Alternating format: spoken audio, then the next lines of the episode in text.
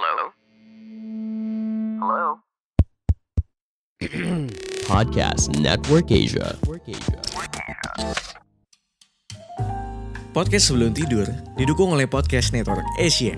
Untuk mempelajari lebih lanjut tentang podcast lain dan juga network, kamu bisa ikuti Podcast Network Asia di media sosial atau kunjungi situs webnya di podcastnetwork.asia. Juga didukung oleh Podmetrics, cara termudah untuk memonetisasi podcast kamu. Daftar sekarang gratis di podmetrics.co. Hai teman-teman, nama saya Ridwan dan selamat datang di podcast Sebelum Tidur.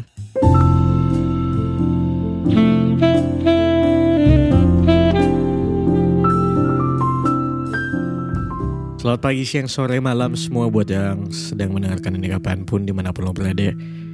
Jangan lupa subscribe podcast gue di Youtube, di Noise, dan follow di Spotify di mana pun lo sedang mendengarkan ini.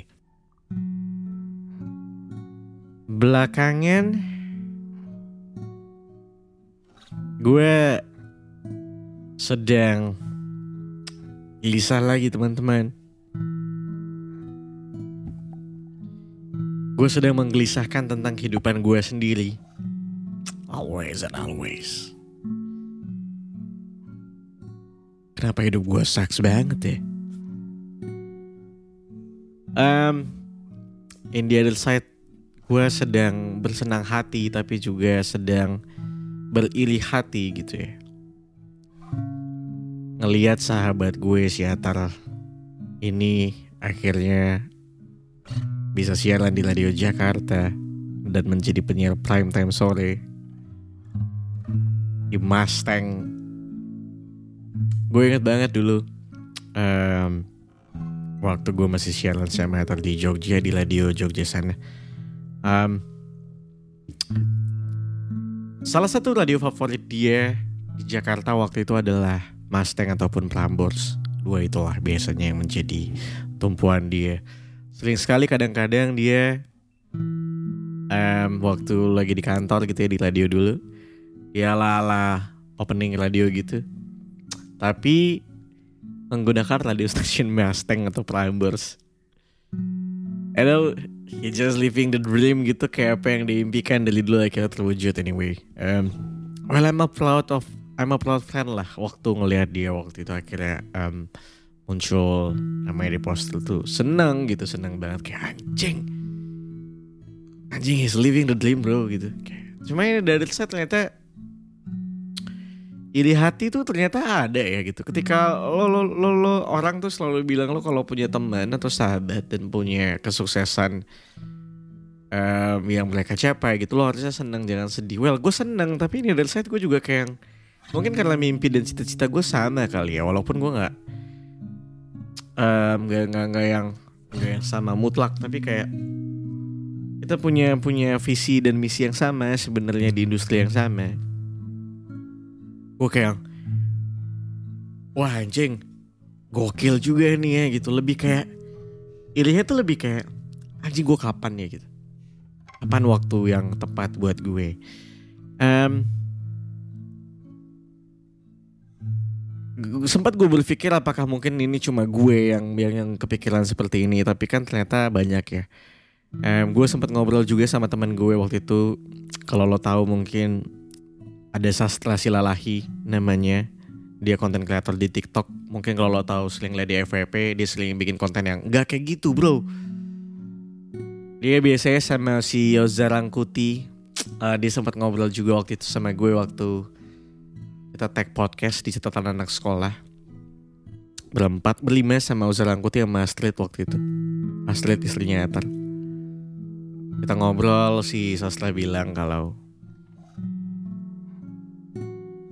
tapi ya Wan gitu ngelihat ngelihat teman-teman kita kadang-kadang lo kepikiran gak sih timeline lo kapan gitu waktu lo kapan tibanya momen lo akhirnya bisa uh, meraih apa yang lo cita-citakan. Gue um, ngeliat teman-teman gue Kiki Saputri udah dilapor pak. Oza yang dulunya ya udah gitu aja ngepodcast tiap hari sampai akhirnya tiba-tiba membludak namanya SNS ini. Gue kapan ya? Dia sempat ngomong kayak gitu ke gue. Sampai akhirnya just only two or three months tiba-tiba nama dia melejit melejit melejitnya sampai saat ini gitu. Um, dan kemarin gue masuk ke fase-fase cranky lagi. Gue kepikiran lagi kayak when is time my my moment come ya gitu kapan datangnya momen gue tiba gitu. Setelah gue berpikir-pikir lagi kayak what I've been through selama berapa tahun ini anjing my life is sucks bro ditinggal mati sama orang tua, patah hati berkali-kali, diselingkuhi. Fuck man. A lot of things happen gitu ya.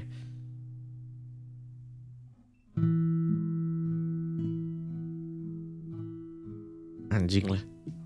Um, but Ya kemarin gue kayak kepikiran anjing gue di Jakarta sendirian Gue gak punya siapa-siapa Keluarga pun tak ada. Dengan hidup gue yang berlalu belakangan ini sengehe itu gitu kayak fuck. Ngeliat teman-teman gue semakin sukses dari saat kapan gue dateng ngeliat Atal nikah tuh kayak anjing gue kapan nikahnya anjing? I want it though gitu. Gue pengen banget lah nikah siapa. Dulu gue sempat ada di momen kayak keren-kerenan gitu kayak gue gak mau nikah sampai gue tua. Ya mungkin kadang-kadang sampai sekarang gue masih ngomong kayak gitu tapi di situ sisi kadang-kadang gue kayak Anjing ternyata ketika lo udah gak punya siapa-siapa lagi Orang tua lo udah meninggal dua-duanya Lo tuh ternyata butuh sosok rumah gitu buat pulang Dulu mungkin ketika nyokap bokap gue masih ada Mereka adalah sosok rumah buat gue. Gue gak punya pacar juga gak masalah gitu. Gue masih bisa bercerita sama mereka berdua. For now Fuck man. Nikah aja deh gue tai lah.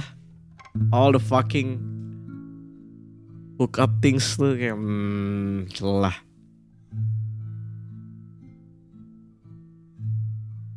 Kan gue tahu ya ada yang harus disiapkan untuk lo menuju pernikahan. Selain jodoh adalah persiapan materi, financial, and many things.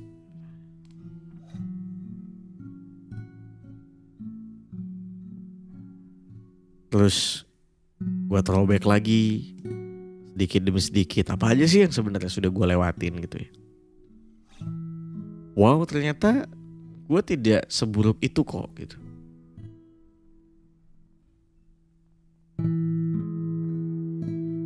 Gue waktu bikin catatan anak sekolah pertama kali memang idenya berangkat dari saya waktu itu di Pontianak saya nelfon ke Atar gue pengen bikin podcast baru lagi lo mau nggak kita berdua as a host programnya begini begini begini begini begini purpose-nya, visi misinya seperti ini begini begini begini nih. Pokoknya it's all about business. Catatan anak sekolah dibuat untuk bisnis, business and business and networking. Gue udah bilang dari awal. Tujuannya cuma satu, networking dan bisnis, networking dan bisnis. Udah, quality turunin dulu. Yang penting networkingnya jalan dulu. Sama kalau bicara bisnis, bicara konsistensi. Seberapa konsisten dan seberapa laku dan seberapa sering kita bisa muncul di Explore Reels dan FYP. FYP. Caranya bagaimana? Konsistensi. Oke, atas sepakat. And then, what happened next? Episode kedua kita viral. Episode aku sama Astrid waktu itu ternyata cukup ramai sekali di repost di mana-mana dengan premis yang sangat sederhana. Gue bertanya kenapa sih anak PR tuh sel ah, eh, anak pintar tuh selalu nyebelin? Suka nanya ada PR yang kemarin jadi dikumpulin apa enggak? Gitu. Eh, dan ternyata seluruh warga Indonesia merasakan hal yang sama. And then goes to viral um, sampai akhirnya um, gue sempat disuruh bikinin podcast buat kantor gue. Waktu itu gue bikin ideationnya skeletannya dari awal gue bikin dari nol sampai akhirnya beberapa hari sebelum gue harus present program barunya buat kantor gue yang notabene bukan podcast ini. Hanya agensi saja gitu yang tidak mengerjakan tentang permediaan beberapa hari sebelum gue present gue ditelepon sama BOD nya dibilang Wan lo punya catatan anak sekolah yang sudah jadi prototipe kenapa nggak lo coba propose lo bikin bisnis skemanya seperti apa, bisnis proposal kayak gimana.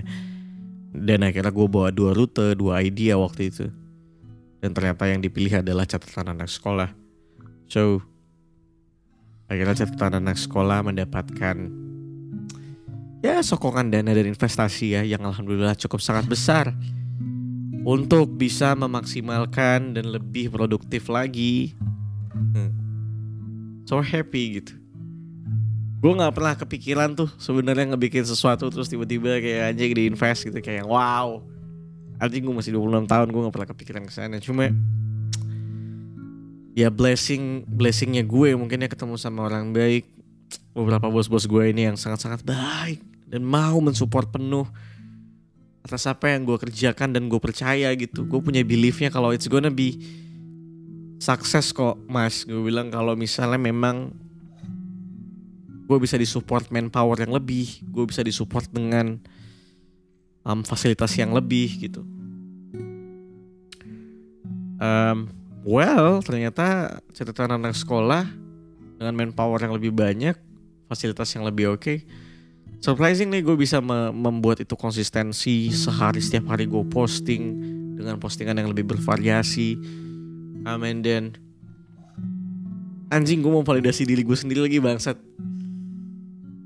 Tapi ini, ini satu hal yang, yang akan gue jadikan kesimpulan sebelum gue menyelesaikan statement gue ini. Cuma yang ini, ini harus gue sampaikan karena menurut gue ini adalah sebuah conclusion ya.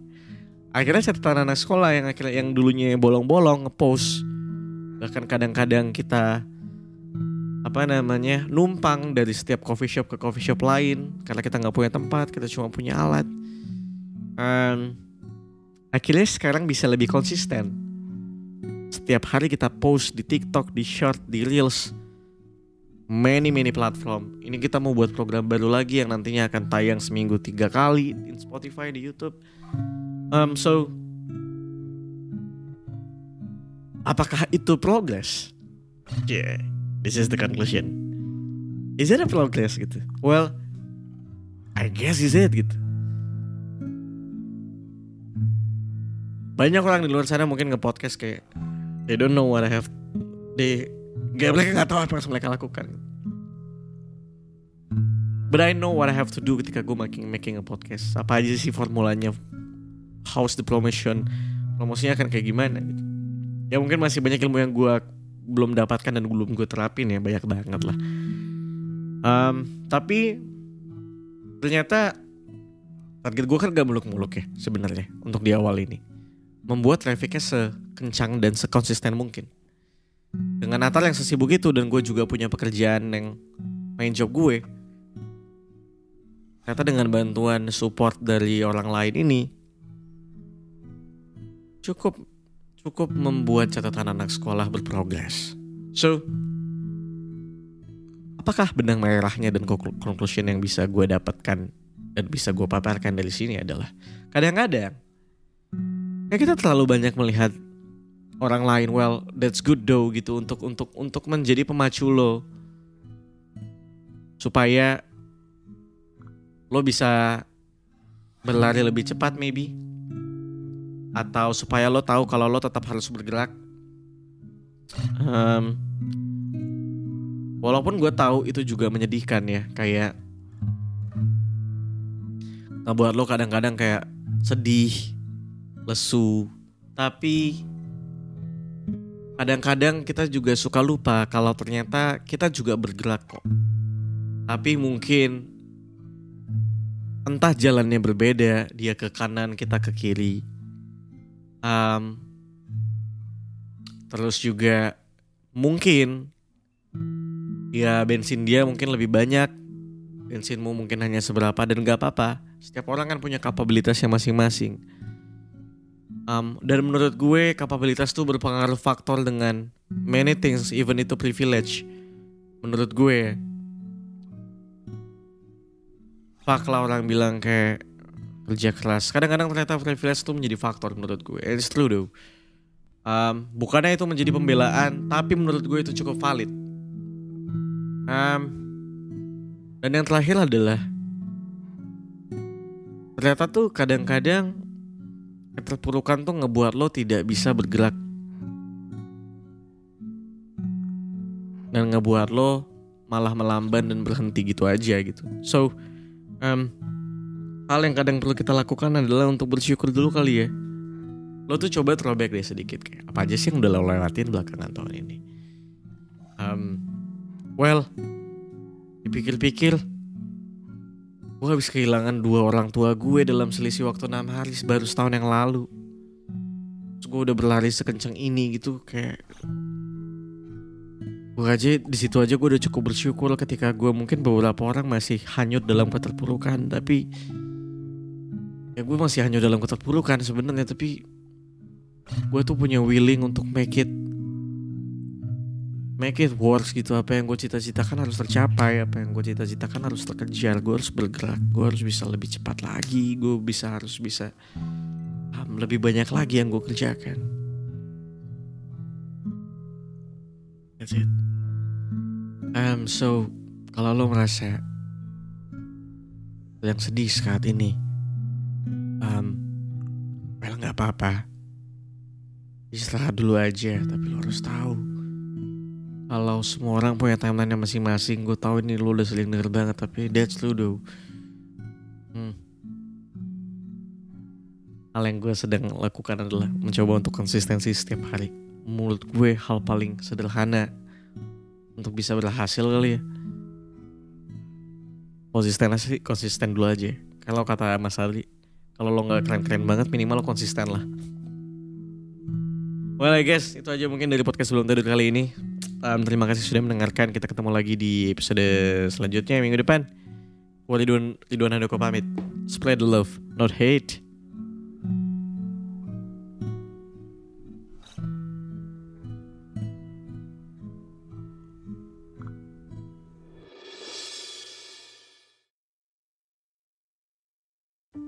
Pandangan dan opini yang disampaikan oleh kreator podcast, host, dan tamu tidak mencerminkan kebijakan resmi dan bagian dari podcast Network Asia.